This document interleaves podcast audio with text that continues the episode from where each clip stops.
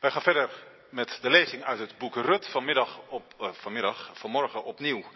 Um, Rut 2, verleden week hebben we dat ook beluisterd. Voor de gasten in ons midden, het boekje Rut gaat over een weduwe, Naomi, die terugkeert uit Moab, een vreemd land, nadat haar man is overleden, Elimelech. Ze heeft twee schoondochters meegenomen uit dat vreemde land, uit Moab. Althans, eentje is teruggegaan, maar Rut is bij haar gebleven. En u moet dus als het ware herintegreren in die samenleving en dat is nog niet zo eenvoudig. En in het eerste deel van dit hoofdstuk lezen wij dat Rut naar een akker gaat om daar in de oogsttijd de korenhalmen op te rapen die zijn blijven liggen. Dat was een recht van de armen in die tijd. Zo kon je toch een graantje meepikken, letterlijk, van wat er eh, bleef liggen. En dan ontmoet zij daar Boas. En dat is een boer. En die is heel goed voor haar. We lezen Rut 2, de versen 11 tot met 22. En na het aangegeven lied Johannes 6, ook daar gaat het over brood en overvloed.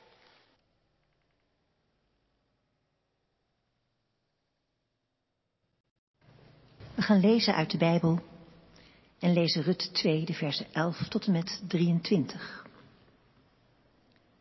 En Boas antwoordde, meer dan eens is mij verteld over alles wat je voor je schoonmoeder hebt gedaan na de dood van je man.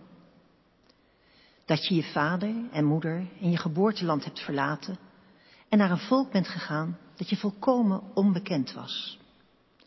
Mogen de Heer je daarvoor rijkelijk belonen. De Heer, de God van Israël, onder wiens vleugels je een toevlucht hebt gezocht.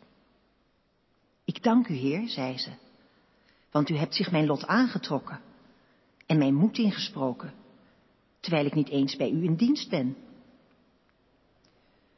Toen het etenstijd was, zei Boas tegen haar, kom maar hier en neem een stuk brood en doop het in de wijn. Ze ging naast de maaiers zitten en hij gaf haar geroosterd graan. Ze at tot ze genoeg had en ze hield zelfs nog over. Toen ze weer opstond om te gaan werken, gaf Boas zijn mannen de volgende opdracht. Laat haar ook tussen de schovenaren lezen. Zeg daar niets van. Integendeel, jullie moeten juist wat halmen voor haar uit de bundels trekken en die laten liggen, zodat ze die op kan rapen en verwijt haar dus niets. Ze werkte tot de avond op het veld en sloeg de korrels uit de aren die ze geraapt had. Het was ongeveer een eva gerst. Ze pakte het op en ging terug naar de stad. Toen Naomi zag hoeveel ze verzameld had, en toen Rut haar ook nog gaf wat ze van het middagmaal had overgehouden, riep ze uit. Waar heb jij vandaag aren gelezen? Waar heb je gewerkt? Gezegend de man die zo goed voor jou is geweest. Rut vertelde haar schoonmoeder dat de man bij wie ze die dag gewerkt had, Boas heette. Toen zei Naomi tegen haar schoondochter, mogen de Heer hem zegenen, want hij heeft trouw bewezen aan de levenden en aan de doden.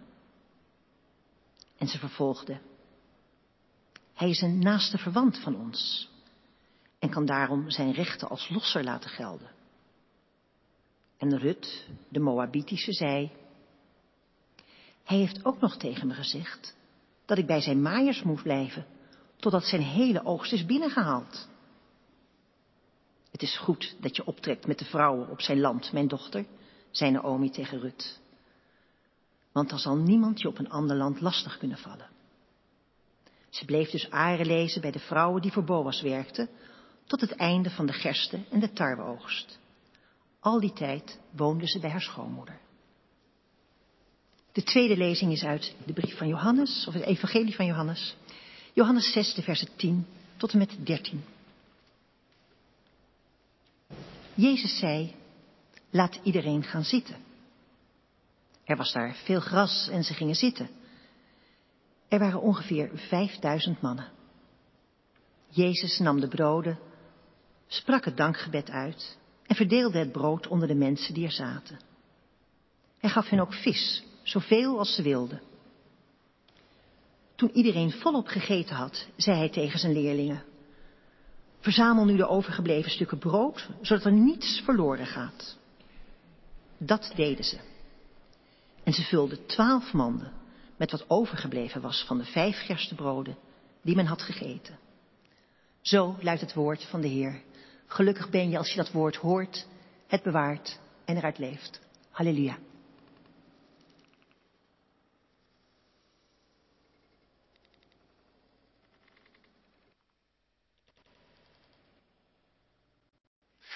Gemeente van onze Heer Jezus Christus. Het is een mooi boekje, dat boekje Rut. Mooi ook om het in deze zomerperiode te lezen, omdat het zo dichtbij is en herkenbaar het gewone leven komt erin aan bod. En toch is het niet een idylle, want als wij Rut zo ochtends vroeg naar het land zien gaan, om daar Aren te lezen, dan zien wij iemand voor wie alles op het spel staat. Iemand die helemaal aan de onderkant van de samenleving is terechtgekomen. Dan moeten wij denken aan bijvoorbeeld huizen hier ook in Den Haag. Soms uh, komt het in het nieuws waar arbeiders uit Oost-Europa hutje, mutje zitten opgehokt, zou je kunnen zeggen. S ochtends vroeg komt een busje voorrijden naar Loodsen om daar te werken. S'avonds laat weer thuis. En juist in de coronaperiode werd die groep opeens zichtbaar. Die stond helemaal niet op de radar van de bestuurders van de grote steden. Maar toen eigenlijk het werk ook stokte, toen werden ze massaal op straat gezet. Want je hebt een woning zolang je werkt, en daar betaal je ook fors voor. Rechteloos. Dan moeten we denken aan mensen die twee of drie banen hebben om hun gezin te kunnen onderhouden. Eindjes aan elkaar te knopen. Bijvoorbeeld, misschien is een van u het zelf, een schoonmaker. In zo'n kantoorkalos, een ministerie. Of je werkt er tot s avonds later, je doet het licht uit, althans, en je komt de schoonmaker tegen en die begint daar. Je kent zijn of haar naam niet. En in de nacht werken zij, van die groepen, als het ware, die je haast niet ziet. Maar die het vaak heel moeilijk hebben, althans. Het kan zomaar omslaan. Heb ik nog werk of niet? En dat is voor Rut en Naomi ook gewoon een hele spannende vraag geweest. Ze kwamen terug uit Moab. Blijkbaar hebben ze ergens een woning gevonden. Tijdelijk of vast, weten we niet. En nou is het dan, God zij dank, de oogsttijd. En staat er in de Torah inderdaad een wet dat je, dat je aren mag lezen, dat je een graantje mee mag pikken. Maar als dat niet lukt, ja, dan zit er niet veel anders op dan jezelf als slaaf te verkopen. Of nog erger, jezelf te prostitueren, dat kan ook. Dat ook in Israël. U voelt wel, alles staat op het spel. Als Rut op een gegeven moment zegt van Naomi, ik ga, ik ga maar naar die akker toe. En het lijkt alsof Naomi dat zelf niet heeft durven vragen, want waar komt ze terecht? Bij welke baas klop je aan? Hoe word je behandeld? Rut neemt initiatief. Het leven van twee vrouwen die gewoon keihard moeten knokken om te kunnen leven, overleven. Als je zelf schulden hebt, 8% van de huishoudens in Nederland kampt met ernstige schuldenproblematiek. Dat doet ontzettend veel. Dat betekent overleven. Met angst uitkijken naar de komst van de postbode of er niet weer zo'n envelop valt en denken hoe ga ik dit weer oplossen. En al die mensen van de toeslagenaffaire, die kwamen opeens in beeld en die vertelden wat dat betekent. Dat je op een gegeven moment denkt, weet je wat, ik ga emigreren, dan ben ik niet meer vindbaar voor mijn schuldeisers. Dat, dat gevoel, die stress in je lijf, dat toont het boekje Rut. Het leven zoals dat soms hard en stroperig kan zijn. En dat zal niet voor iedereen van ons gelden. Maar ieder mens heeft, denk ik, van die plekken in zijn eigen leven, van die gebieden waarvan je zegt, daar is het voor mij gewoon wat lopen. Ingewikkeld. Kan in je huwelijk zijn of in je gezinssituatie.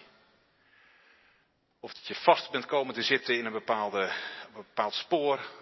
Of je karakter of de aandoening die je hebt waar je mee worstelt, waar je mee moet te komen. Steeds maar weer als het ware knokken. En dan vertelt dit boekje. Nee, dit boekje eigenlijk niet. Rut en Naomi vertellen onszelf iets over wie God is. En dan vertellen ze dat Hij in hun leven aanwezig was. En dat horen we ook in dit hoofdstuk. Dat Hij hen leidde. En dat zie je vaak pas achteraf. En het mooie is dat die, dat schrijver van het boekje dat ook zo heel, heel subtiel zegt. is ook al eerder gezegd, maar bij toeval kwam ze bij het veld van Boas. Toevallig. Maar in dit boek wordt eigenlijk het toeval en het handelen van God op één lijn gezet. En dan toeval in de zin van datgene wat je toevalt. Wat je ontvangt.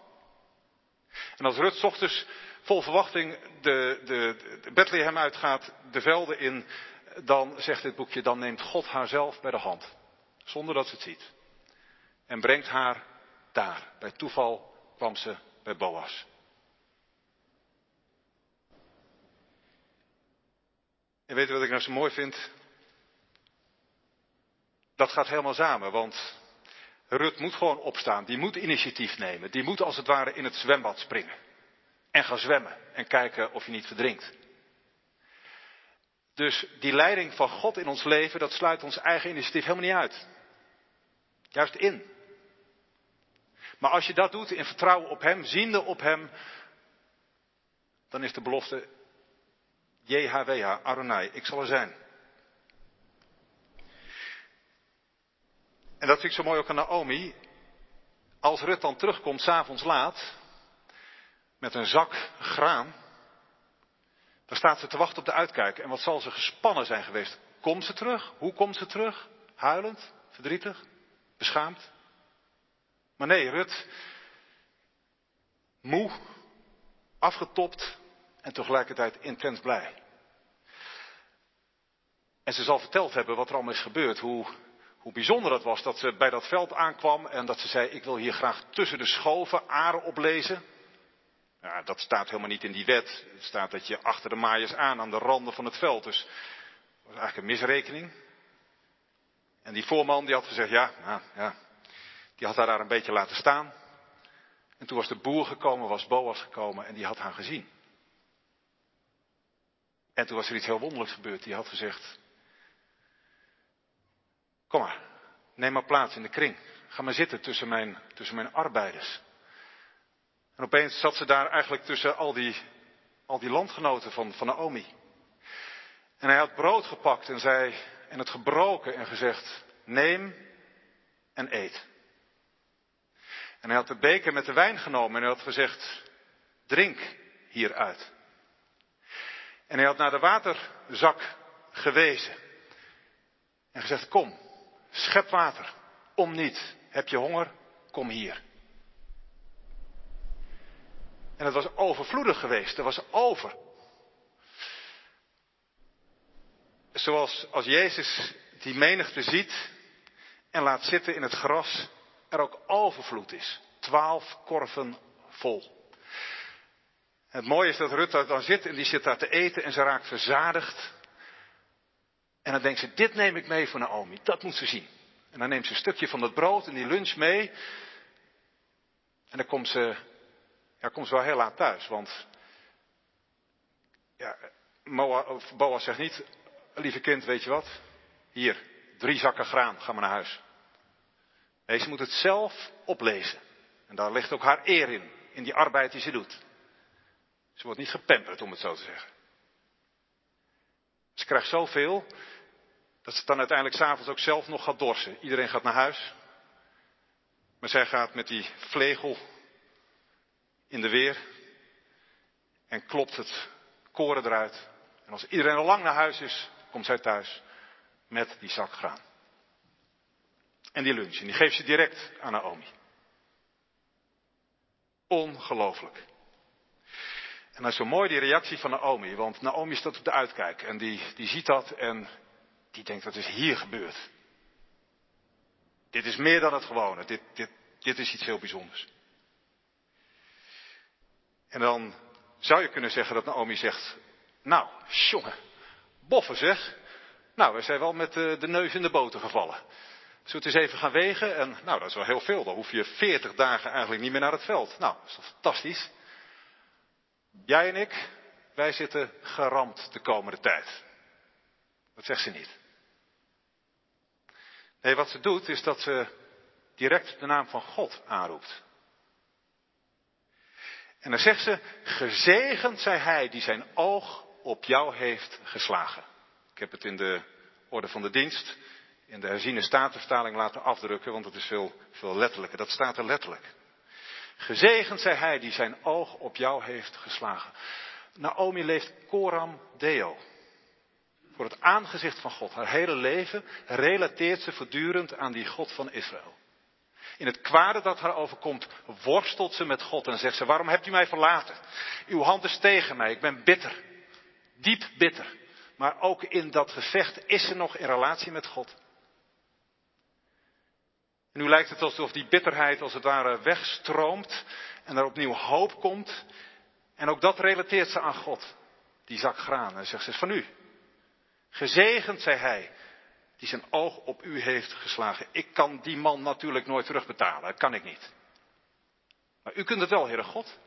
En dat lezen we steeds eigenlijk bij Naomi, dat ze heel zegenend spreekt. Ze zegt ook tegen Rut en Orpa, als ze afscheid wil nemen, mogen de Heer jullie vergoeden wat jullie voor mij hebben gedaan. Ik kan jullie niks teruggeven, maar mag Hij het je belonen.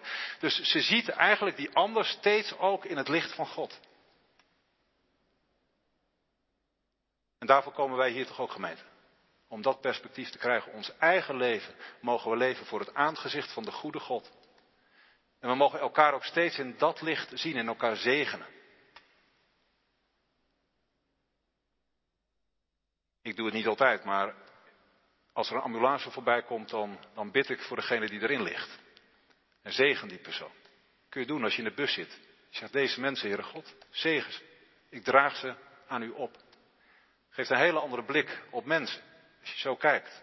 En dat kan alleen omdat je weet dat je, dat je ergens ook zo zo bejegend wordt door Hem, dat je gezegend bent. Nou, een prachtig woord dat ze daar gebruikt. Hij die zijn oog op u heeft geslagen. De nieuwe Bijbelvertaling zegt die zo goed voor je is geweest, maar hier staat die zijn oog op je heeft geslagen. Hij heeft je gezien.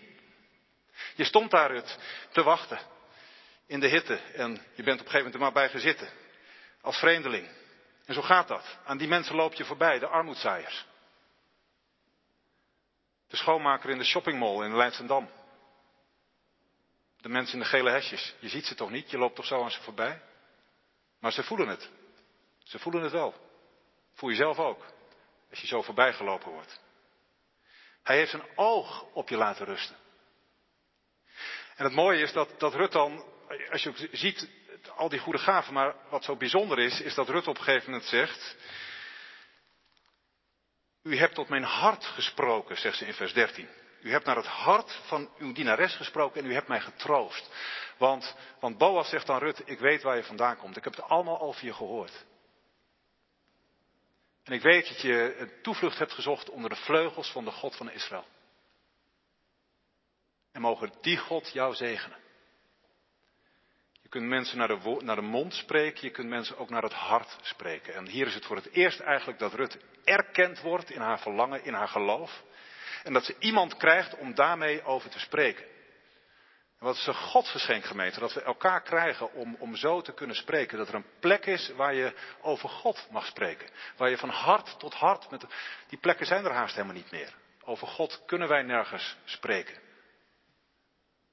Maar hij schenkt ons een plek op zijn akker waar dat mag. U hebt tot mijn hart gesproken.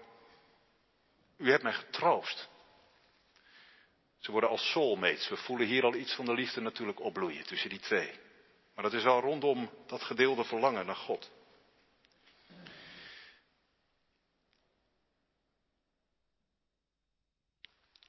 En dat is, dat is wat, wat Boas doet, dat zien, maar dat wordt ook van God gezegd. En daarin laat Boas iets van God zien. Dat hij die woont in het hoge en het verhevene. Nabij is de verbrijzelde en de verbrokene van geest. Hij ziet ze. Hij woont zo hoog en hij kijkt zo diep. Heer die mij ziet zoals ik ben, dieper dan ik mijzelf ooit ken. Gij kent mij, gij weet waar ik ga, gij kent mij waar ik sta. En hij ziet u vanmorgen ook, zoals u hier zit. Met alles wat u bezighoudt. Met waar je zelf als het ware inderdaad door de modder loopt te ploegen. En hij kent je verlangen. En hij kent alles wat je dwars zit. En hij ziet ons, hij laat zijn oog op ons rusten, op Israël en op ons. Gezegend zij hij die zijn oog op u heeft geslagen. En dan zegt ze verder tegen Rut, als Rut vertelt dat hij Boas heet, die man heet Boas, dan zegt ze, mogen de Heer hem zegenen, want hij heeft trouw bewezen aan de levenden en aan de doden. Dat is ook heel mooi. Ook heel wonderlijk. Over wie heeft Naomi het nou? Wie heeft nou trouw bewezen aan de levenden en de doden? Is dat Boas? Zo vertaalt de nieuwe Bijbelvertaling het. Dat Boas trouw bewijst aan de levenden en de doden. Ook wonderlijk natuurlijk. Hoe doet hij dat dan? We zien in Statenvertaling, en dat is volgens mij correcter, betrekt dat op God. Maar, maar het is eigenlijk allebei. In Boas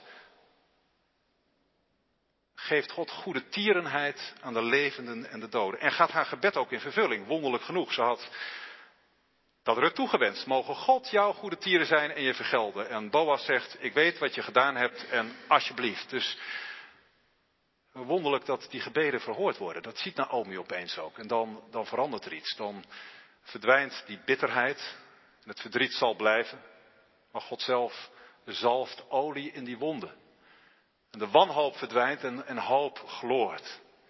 En de leegte verdwijnt, want ze krijgt brood. Maar ze krijgt ergens ook brood voor haar hart. Hebben we steeds weer nodig, toch? Onze eigen bitterheid, onze eigen harde schil rondom ons hart. Dat het ergens weer, weer zacht wordt door de hoop die ons wordt geschonken. Ja, wat, wat bedoelt Naomi hier nou mee? Hij is trouw geweest aan de levenden en de doden. En ook dat is eigenlijk prachtig nou, u begrijpt dat ik alles prachtig vind, maar um, Naomi die, die betrekt ook de doden erbij. En waar heeft ze het hier dan over? Dan zegt ze, hij is een van onze lossers. Goel in het Hebreeuws, een heel belangrijk woord, een losser. Moet ik u even iets over vertellen, een beetje technisch. Als in die tijd iemand um, in de schulden raakte, dan, dan moest hij op een gegeven moment zijn land verkopen. En um, dan was er gelukkig een wet in Israël van het jubeljaar, dat na 49 jaar zo'n land dan ook weer terugkwam. En daar zat de gedachte achter, we hebben allemaal eigenlijk, we leven allemaal van Gods genade. We hebben het allemaal van Hem te leen. Na 49 jaar gaat het weer terug. En als je jezelf als slaaf moest verkopen, na 49 jaar werd je weer vrij. Maar ja, een lange tijd. En was er ook een wet die zei dat je broer of je zus of je familielid eigenlijk verplicht was om dat stukje grond terug te kopen. Als je het kon. Dus als je genoeg geld had, dan moest je voor je broer of je zus naar die, naar die eigenaar gaan en zeggen: Ik wil dat stukje land terugkopen voor mijn broer. Nou, dat was natuurlijk ping-ping, eh, want uh, daar werd een forse prijs voor gevraagd. En waarom is dat nou? Nou, daar zit de gedachte achter dat dat, dat, dat, dat het beloofde land, dat Israël, daar zal God wonen, daar komt de Messias.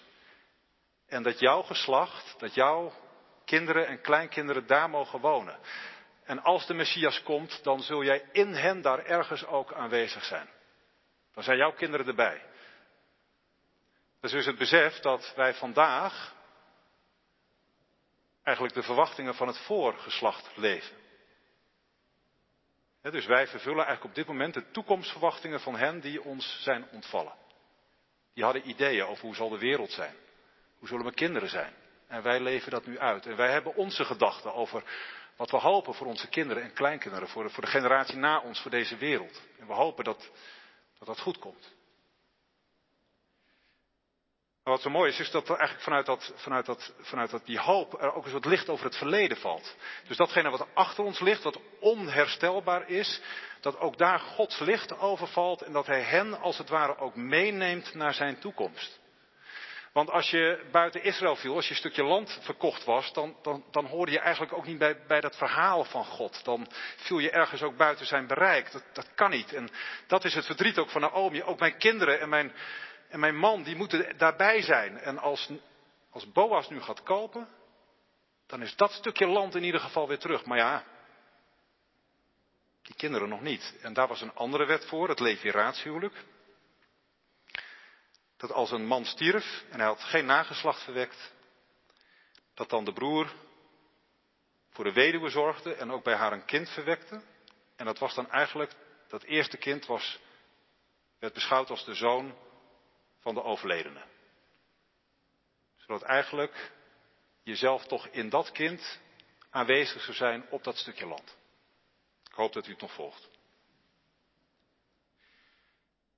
En Naomi had eigenlijk helemaal geen hoop meer op, want die, ja, dat zegt ze ook tegen Rut, ja, dan moet ik al iemand vinden die met mij wil trouwen. En dan moet hij bij mij nog, ja, de hoop, als we dan een zoon krijgen, ja, dan moet hij weer met jou trouwen. En, en dan nageslacht verwekken en dan, ja, dat kan helemaal niet. Maar nu opeens ziet ze het en dan denkt ze, God gaat ongekende wonderlijke wegen, waar wij denken, het kan helemaal niet meer, het houdt helemaal op, we zien er echt geen gat meer in. Heel creatief, opeens is daar Boas en dan gaat, Rut denken, gaat Naomi denken, maar zo kan het ook, als hij nou met Rut trouwt en dan, als dat nou zou gebeuren, dan ook mijn zonen, als de Messias komt, zijn zij erbij. Mooi hè, die toekomstverwachting. Dus niet alleen voor dit leven. Als ik maar happy ben. Maar ten diepste als, als we daar maar bij zijn. Bij die toekomst van God. Dat ons leven daarin ligt ingevouwen. Maar ja, zo'n losser, dat zullen we volgende week horen. Ja, die, die moest dat wel kunnen betalen en willen betalen. En weet u wat nou zo mooi is? Dat God zelf een losser wordt genoemd in het Oude Testament dat niet alleen Elimelech, maar op een gegeven moment heel Israël eigenlijk failliet is. Naar Babel wordt weggevoerd. Door hun eigen schuld. En dat ze helemaal buiten Gods blikveld vallen. En, en dat ze denken het is compleet stuk tussen hem en ons. En dan klinkt in het Oude Testament die prachtige woorden. Maak je niet bezorgd, wormpje Jacob. Ik ben je verlosser. Ik heb je lief. Ik geef Sheba, Egypte, Ethiopië in de plaats voor jou. Hoe hoog de prijs ook is, ik betaal het. Want jij bent van mij. En als je door het water trekt, zal het je niet wegspoelen. Als je door het vuur gaat, zal het je niet verteren. Ik haal je terug. Ik betaal de prijs. Ik ben jouw verlosser. God laat niet los. Hij kan betalen, want hij is alvermogend. Hij wil betalen, want hij is liefde. En nou wij gemeente. Hebben wij een losser nodig? Iemand die voor ons opkomt? Misschien dat je hier zit met verlangen naar God. En ken je hem misschien helemaal niet. Dat kan. Je staat als het ware net als Rut een beetje buiten en je denkt, ja, hoe, ik zou hem wel willen ontmoeten, maar hoe dan? En mag dat wel? Kan ik wel zeggen, net als Rut, ja, jullie God is mijn God. Het kan ook zijn dat u misschien in uw relatie met God ontdekt, ja, het is eigenlijk allemaal anders gegaan dan ik had gehoopt toen ik beleidenis deed. Ik ben hem gewoon kwijtgeraakt. Dat kan. Ik ben eigenlijk een beetje buiten dat land komen te leven. Er is zoveel wat tussen hem en mij instaat. Of ja, als ik s'avonds bid, ik heb het gevoel dat ik niets meer van hem verneem. En dat, dat zal wel aan mezelf liggen. Hij is me vergeten. En dat dan een woord klinkt, er is een losser. Jezus Christus, meer dan Boas. Die zegt welkom in de kring, hier op zondag. Dit is mijn lichaam voor jullie gebroken, neem en eet. Dit is mijn bloed voor jullie vergoten. Drinkt allen daaruit. Water om niet. En die in Marcus zegt, de zoon des mensen is gekomen om zijn leven te geven tot een losprijs voor velen aan het kruis zijn eigen leven heeft gegeven, de hoogste prijs, om ons los te kopen. Los te kopen uit die macht van die andere machten, van die goden die ons zo kunnen dwingen. Omdat het zo even zo leuk leek, maar nu zit je er gewoon in vast en, en, en ben je misschien verslaafd geraakt of, of voel je een soort leegte en je weet helemaal niet meer hoe, hoe, dat, hoe, dat, hoe dat over moet gaan. Er is een losser. En kijk naar hem, Jezus de Christus.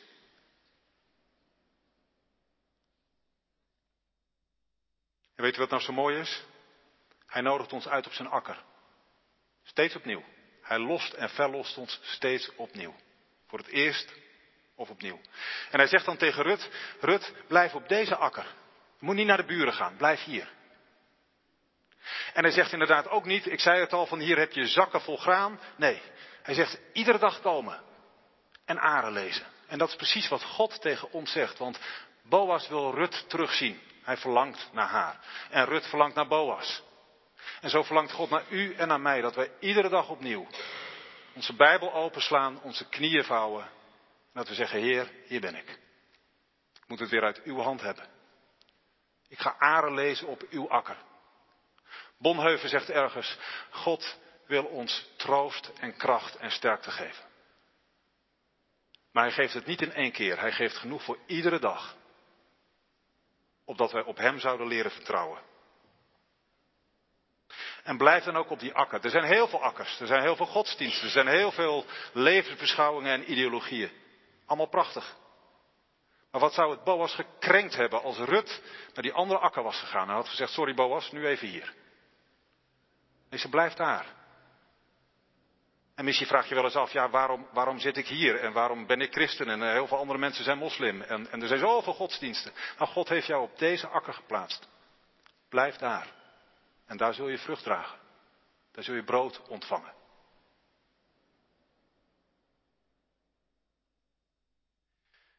Hoe eindigt het dan? Nou, met een open einde.